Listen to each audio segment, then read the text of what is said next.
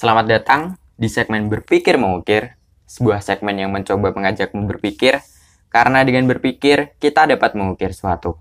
Apa pun itu.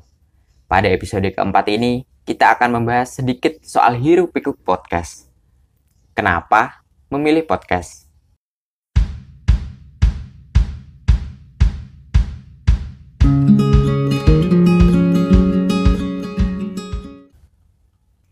Berikut ini akan saya paparkan beberapa alasan mengapa saya memilih podcast baik untuk dinikmati maupun sebagai media untuk berkarya. Buat yang belum tahu podcast, podcast adalah rekaman yang berisi konten yang berbasis pada audio yang tersedia secara gratis di internet. Apple menyebut melalui websitenya, bagi pendengar podcast, podcast adalah sebuah cara untuk menikmati konten menarik dari seluruh dunia secara gratis. Bagi penerbit podcast, podcast adalah cara yang sangat efektif untuk menjangkau banyak pendengar. Pertama, kenapa memilih podcast? Yaitu adalah irit kuota. Buat kamu yang pengen menikmati konten, tetapi sayang sama kuota bulanan, podcast bisa jadi jawabannya. Dengan konten yang hanya berbasis pada audio, membuat file yang perlu kita unduh dari konten tersebut amatlah ringan ketimbang yang menggabungkannya dengan visual. Mengingat belum meratanya penetrasi internet di Indonesia, jadi menurut saya orang-orang yang sayang sama kuota masih banyak di Indonesia. Meski mulai ada gembar-gembor soal 5G, menurut saya hal itu masih lama. Paling nggak tiga tahun lagi lah. Karena infrastrukturnya juga nggak murah. Lanjut ke yang kedua. Banyaknya pilihan. Dua tahun terakhir ini podcast di Indonesia mulai mengalami pertumbuhan yang signifikan. Banyak pesohor negeri yang mulai bikin podcast. Banyak juga pemula yang mencoba berkarya lewat podcast Contohnya ya saya ini yang baru bikin podcast kurang lebih sebulan yang lalu. Ada banyak kategori pilihan di podcast untuk didengarkan. Seperti pendidikan, olahraga, komedi, atau yang hanya untuk sebagai teman penghantar tidur setiap malam. Semua itu ada di podcast. Dan tentu saja masih banyak lagi. Yang ketiga adalah mudah aksesnya.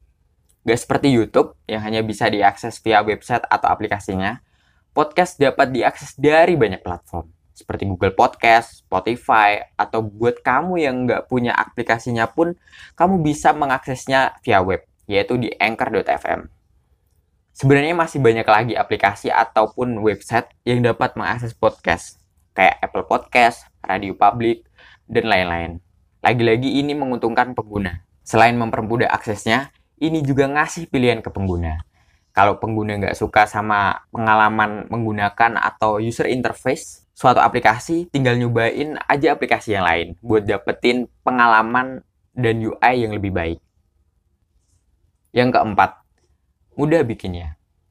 Nggak kayak produksi video atau animasi yang butuh banyak perkakas buat bikinnya, bikin podcast itu mudah banget. Modal paling sederhana dan murah adalah bikin aja pakai HP-mu. Rekam, lalu unggah itu adalah cara paling sederhana buat bikin podcast. Tapi, kalau kamu pengen podcastmu dihias, kamu bisa mengeditnya dengan aplikasi Anchor, Adobe Audition, Audacity, ataupun aplikasi berbasis audio lainnya. Unggahnya ke mana?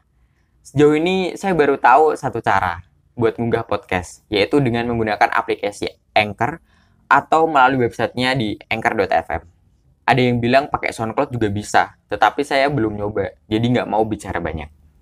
Terakhir, ini adalah alasan paling personal di list ini. Buat kamu yang gak pintar bergaya di depan kamera, tetapi masih pengen eksis untuk berkarya, podcast adalah jawabannya. Podcast bisa jadi pilihan alternatifmu untuk menyalurkan karyamu. Kamu gak perlu bertatap muka, hanya cukup bicara, baiknya pakai skrip biar lebih terarah dan fokus.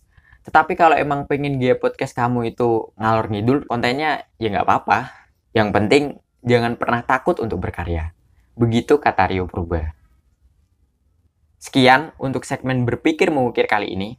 Terima kasih bagi teman-teman yang selesai mendengarkan sebuah bahasan dari pulang. Sampai jumpa di episode berikutnya.